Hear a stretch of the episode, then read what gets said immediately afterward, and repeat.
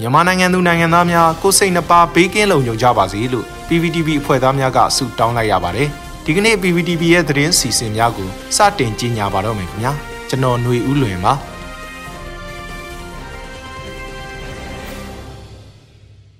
ပထမဆုံးအနေနဲ့တတိယကြိမ်ရန်ကုန်တိုင်းဒေသကြီးလွှတ်တော်ဒုတိယပုံမှန်အစည်းအဝေးကိုဒီကနေ့မနက်ပိုင်းမှာကျင်းပခဲ့တဲ့သတင်းကိုတင်ဆက်ပေးသွားမှာဖြစ်ပါတယ်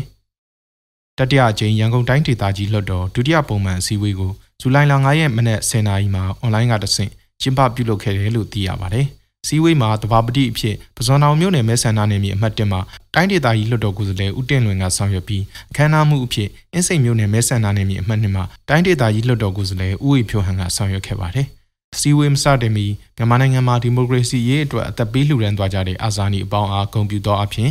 ရှစ်စက္ကန့်ညီသက်ချင်းပြုလုပ်ခဲ့ပြီးတဘာပတိကမိန့်ခွန်းပြောကြားခဲ့ပါတယ်။ အစည်းအဝေးမှာရန်ကုန်တိုင်းဒေသကြီးလွှတ်တော်ကုစားပြုကော်မတီ CR1H ကဆောင်ရွက်ခဲ့တဲ့တောင်းဆိုချက်ထုတ်ပြန်ချက်များနဲ့ဆက်လျင်းတဲ့အစီရင်ခံစာအား CR1H အဖွဲ့ဝင်တိုင်းဒေသကြီးလွှတ်တော်ကိုယ်စားလှယ်ဒေါက်ခိုင်မာထိက၎င်းရန်ကုန်တိုင်းဒေသကြီးအတွင်းရှိနိုင်ငံဝန်ထမ်းကောင်းအရာတန်းအမှုတန်းများရဲ့ပြည်သူ့အာဏာဖီဆန်မှုလုပ်ငန်း CDM အတွက်ကူညီဆောင်ရွက်ပေးမှုအစီရင်ခံစာအား CR1H အဖွဲ့ဝင်တိုင်းဒေသကြီးလွှတ်တော်ကိုယ်စားလှယ်ဒေါ်အေးအေးမာက၎င်းအကြမ်းဖက်စစ်ကောင်စီလက်ချက်ကြောင့်ကြာဆုံးသွားရသူများနဲ့ လူဦးတော်လှန်ရေးမှာပါဝင်မှုကြောင့်ဖန်စီထိမ့်သိမ်းခံထားရသူများနဲ့ထိခိုက်နစ်နာသူများအားအပိကူညီဆောင်ရွက်ခြင်းနဲ့ဆက်လျင်းတဲ့အစီရင်ခံစာအား CR1H အဖွဲ့ဝင်တိုင်းဒေသကြီးလွှတ်တော်ကိုယ်စားလှယ်ဒေါ်အေးမြမြမျိုးက၎င်းတင်သွင်းခဲ့ကြပြီးလွှတ်တော်ကစီရင်ခံစာများအားအတည်ပြုမှတ်တမ်းတင်ခဲ့တယ်လို့သိရပါတယ်။အဲဒီနောက်မှာတော့2021ခုနှစ်ဖေဖော်ဝါရီလ1ရက်နေ့အကြမ်းဖက်စစ်အုပ်စုအာဏာသိမ်းပြီးနောက်ပိုင်းစစ်အကြမ်းဖက်ဆန့်ကျင်ရေးနဲ့ဒီမိုကရေစီရေးအတွက်ငြိမ်းချမ်းစွာနဲ့ဆန္ဒပြသူများအား ရက်ဆက်စွာအကြမ်းဖက်တပ်ဖြတ်ခဲ့မှုများကြောင့်ကြာဆုံးသွားရတဲ့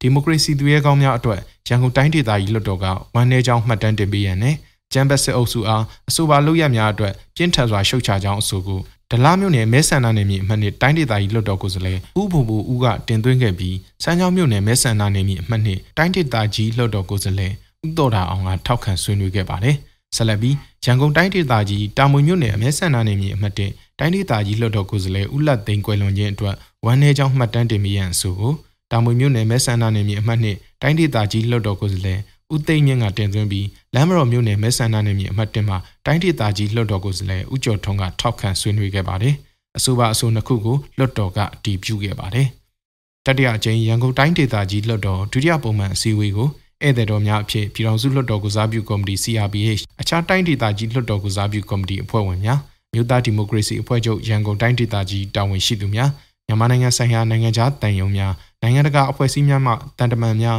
လူမှုရေးအဖွဲ့အစည်းများကျောင်းသားသမဂ္ဂများမီဒီယာများအခြားဖိတ်ကြားထားသောဧည့်သည်တော်များတာဝန်ရှိပုဂ္ဂိုလ်များပါဝင်တက်ရောက်ခဲ့ကြတယ်လို့သတင်းရရှိပါတယ်။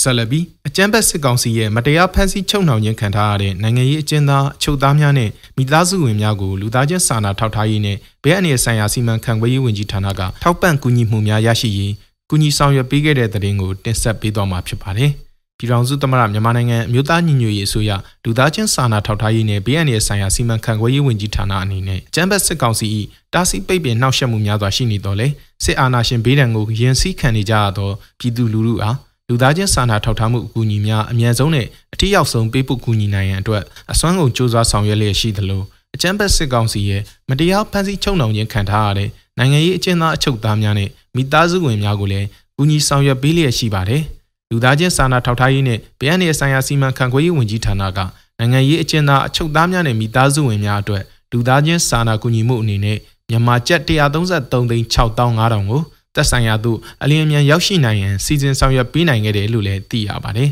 ။အခုလိုကူညီပံ့ပိုးပေးနိုင်မှုအတွက် Free Burma Action Committee San Francisco ကကူညီလှူဒန်းခဲ့တာဖြစ်ပါတယ်ခင်ဗျာ။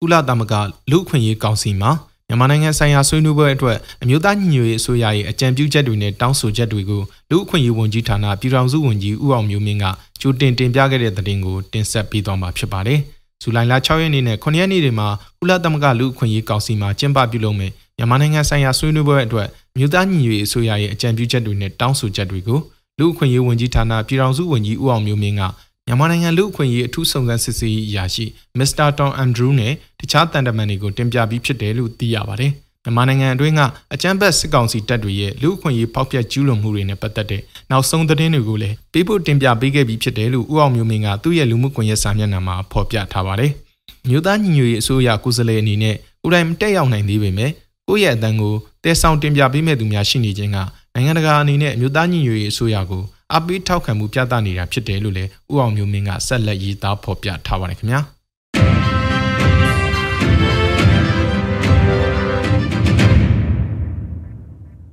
ဆက်လက်ပြီးလူသားချင်းစာနာကူညီရေးနဲ့ဘေးအန္တရာယ်တုံ့ပြန်ရေးကော်မရှင်ရဲ့ပထမအကြိမ်ညှိနှိုင်းအစည်းအဝေးကျင်းပခဲ့တဲ့သတင်းကိုတင်ဆက်ပေးမှာဖြစ်ပါတယ်။လူသားချင်းစာနာကူညီရေးနဲ့ဘေးအန္တရာယ်တုံ့ပြန်ရေးကော်မရှင်ရဲ့ပထမအကြိမ်ညှိနှိုင်းအစည်းအဝေးကိုဒီကနေ့မနက်10:00နာရီမှာကျင်းပပြုလုပ်ခဲ့ရာဥက္ကဋ္ဌဖြစ်သောယာယီသမရဒူဝါလရှိလာ ဒုတိယဥက္ကဋ္ဌဖြစ်သောပြည်ထောင်စုဝန်ကြီးချုပ်မန်ဝင်းခိုင်တန်းအတွင်းရေးမှူးဒေါက်တာဝင်းမြတ်အေးနဲ့ကော်မရှင်မှပါဝင်တဲ့ဝန်ကြီးတွေတက်ရောက်ခဲ့ကြပါတယ်။အစည်းအဝေးမှာယာယီသမရဒူဝါလရှိလာမှအမျိုးသားညီညွတ်ရေးအစိုးရအနေနဲ့အန်နီမာရီမန်ချက်ဖြစ်တဲ့အာဏာရှင်ပပျောက်ရေးနဲ့ဖရယ်ဒီမိုကရေစီပြည်ထောင်စုထူထောင်ရေးကြိုးပမ်းဆောင်ရွက်ရမှာအကြမ်းဖက်စစ်အာဏာရှင်တွေရဲ့ရက်ဆက်ကြမ်းကြုတ်မှုနဲ့၎င်းတို့ရဲ့လွဲမှားသောစီမံခန့်ခွဲမှုများကြောင့်နေ့စဉ်နဲ့အမျှထိခိုက်ခံစားနေရတဲ့ ဒုက္ခပေါင်းစုံကိုရင်ဆိုင်နေရတဲ့ပြည်သူများကိုစောင့်ရှောက်ကူညီကာကွယ်ရမယ့်ကိစ္စဟာအရေးကြီးတဲ့အခန်းကဏ္ဍတစ်ခုဖြစ်ကြောင်းရခိုင်ကမြန်မာနိုင်ငံမှာကြုံတွေ့ရသောဘေးအန္တရာယ်များဟာနေမြေအကန့်အသတ်ကြာချိန်အကန့်အသတ်သာဖြစ်တော်လေယခုအခါစစ်အာဏာသိမ်းမှုဘေးဒုက္ခမှာတနိုင်ငံလုံးလူလူလူဒန်းစားအလုံးရင်ဆိုင်ကြုံတွေ့နေရပြီးကာလမှာလည်း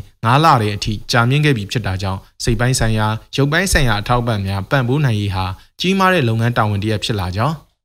စစ်အာဏာသိမ်းပြီးနောက်ပိုင်းစားနပ်ရိက္ခာလိုအပ်လာမယ့်အရေးအတွက်မှာအာဏာမသိမ်းခင်ခံမှန်းထားတဲ့အရေးအတွက်ထက်3.4သန်းခန့်ပုံမှုများပြားလာမယ်လို့ကမ္ဘာစားနပ်ရိက္ခာအစီအစဉ်မှခံမှန်းထားသည်ကိုသိရှိရကြောင်းကော်မရှင်အနေနဲ့မကြာမီကာလများအတွင်းပေါ်ပေါက်လာမယ့်တော်လှန်ရေးဖြစ်စဉ်အတွင်းပြည်သူများဘက်ကနစ်နာဆုံးရှုံးမှုအ ਨੇ ဆုံးဖြစ်စေရန်နဲ့ထိခိုက်လွယ်အုပ်စုများအတွက်လိုအပ်သောပံ့ပိုးကူညီမှုများဆောင်ရွက်နိုင်ရေးကိုစူးစမ်းပေးကြလိမ့်မယ်လို့ယုံကြည်ပါကြောင်းပြောကြားခဲ့ပြီးပြည်ထောင်စုဝန်ကြီးချုပ်မန်ဝင်းခိုင်တိုင်းကဘေးအန္တရာယ်ဟုဆိုရမှာယခုအခါ မြန်မာနိုင်ငံကပြည်သူတွေဟာလူကလှုပ်သောဘေးအန္တရာယ်နဲ့တဘာဝဘေးအန္တရာယ်ဟူ၍နှစ်မျိုးရင်ဆိုင်နေရကြောင်း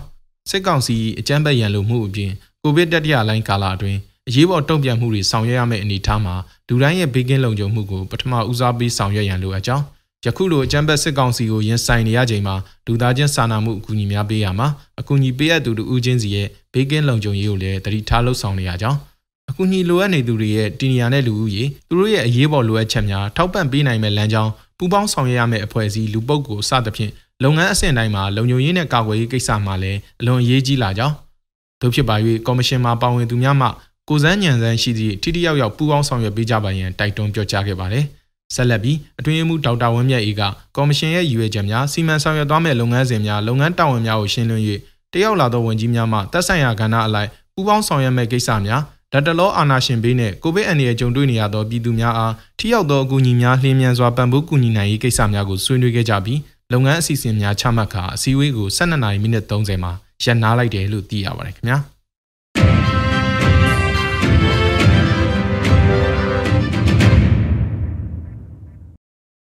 အမျိုးသားညီညွတ်ရေးအစိုးရတယံဇာတာနဲ့တဘာဝပတ်ဝန်းကျင်ထိန်းသိမ်းရေးဝန်ကြီးဌာနအနေနဲ့ ပြည်သူတို့ရဲ့အတန်းပူးပေါင်းပါဝင်မှုနဲ့တယံဇာတာနဲ့တဘာဝပတ်ဝန်းကျင်စီမံခန့်ခွဲမှုစနစ်တရက်ကိုဖော်ဆောင်မှုကြိုးပမ်းနေတဲ့တဲ့ရင်ကိုဆက်လက်တင်ပြပေးသွားမှာဖြစ်ပါတယ်။မြို့သားညီညွတ်ရေးဆိုရတယံဇာတာနဲ့တဘာဝပတ်ဝန်းကျင်ထိန်းသိမ်းရေးဝန်ကြီးဌာနအနေနဲ့ပြည်သူတို့ရဲ့အတန်းပူးပေါင်းပါဝင်မှုနဲ့တယံဇာတာနဲ့တဘာဝပတ်ဝန်းကျင်စီမံခန့်ခွဲမှုစနစ်တရက်ကိုဖော်ဆောင်မှုကြိုးပမ်းနေတယ်လို့သိရပါတယ်။ပြည်သူတွေအနေနဲ့မိမိတို့ပတ်ဝန်းကျင်မှာဖြစ်ပေါ်နေတဲ့တစ်တော်ဇီဝမျိုးစုံမျိုးကွဲတက်တုကြောင်းမြက်အပါအဝင် တယံဇာတခန္ဓာဆိုင်ရာတရားမဝင်ခိုးထုတ်မှုတွေအပါအဝင်တဘာဝပတ်ဝန်းကျင်ထိန်းသိမ်းရေးဆိုင်ရာကိစ္စရပ်တွေကိုအမျိုးသားညီညွတ်ရေးအစိုးရတယန်စာတနဲ့တဘာဝပတ်ဝန်းကျင်ထိန်းသိမ်းရေးဝန်ကြီးဌာနကိုတိုင်ကြားနိုင်မှာဖြစ်ပါတယ်။တိုင်ကြားလိုတဲ့ပြည်သူတွေအနေနဲ့တယန်စာတနဲ့တဘာဝပတ်ဝန်းကျင်ထိန်းသိမ်းရေးဝန်ကြီးဌာနရဲ့အင်တာနက်စာမျက်နှာကနေတဆင့်လိုအပ်တဲ့အချက်လက်တွေကိုပြည့်စုံစွာဖြည့်ဆွက်ပြီးလွယ်လွယ်ကူကူလုံခြုံစိတ်ချစွာသတင်းဆက်သွယ်ပေးဖို့တိုင်ကြားနိုင်တယ်လို့သတင်းထုတ်ပြန်ထားပါတယ်ခင်ဗျာ။ရေတော်ဘုံအောင်ရမည်ရေတော်ဘုံ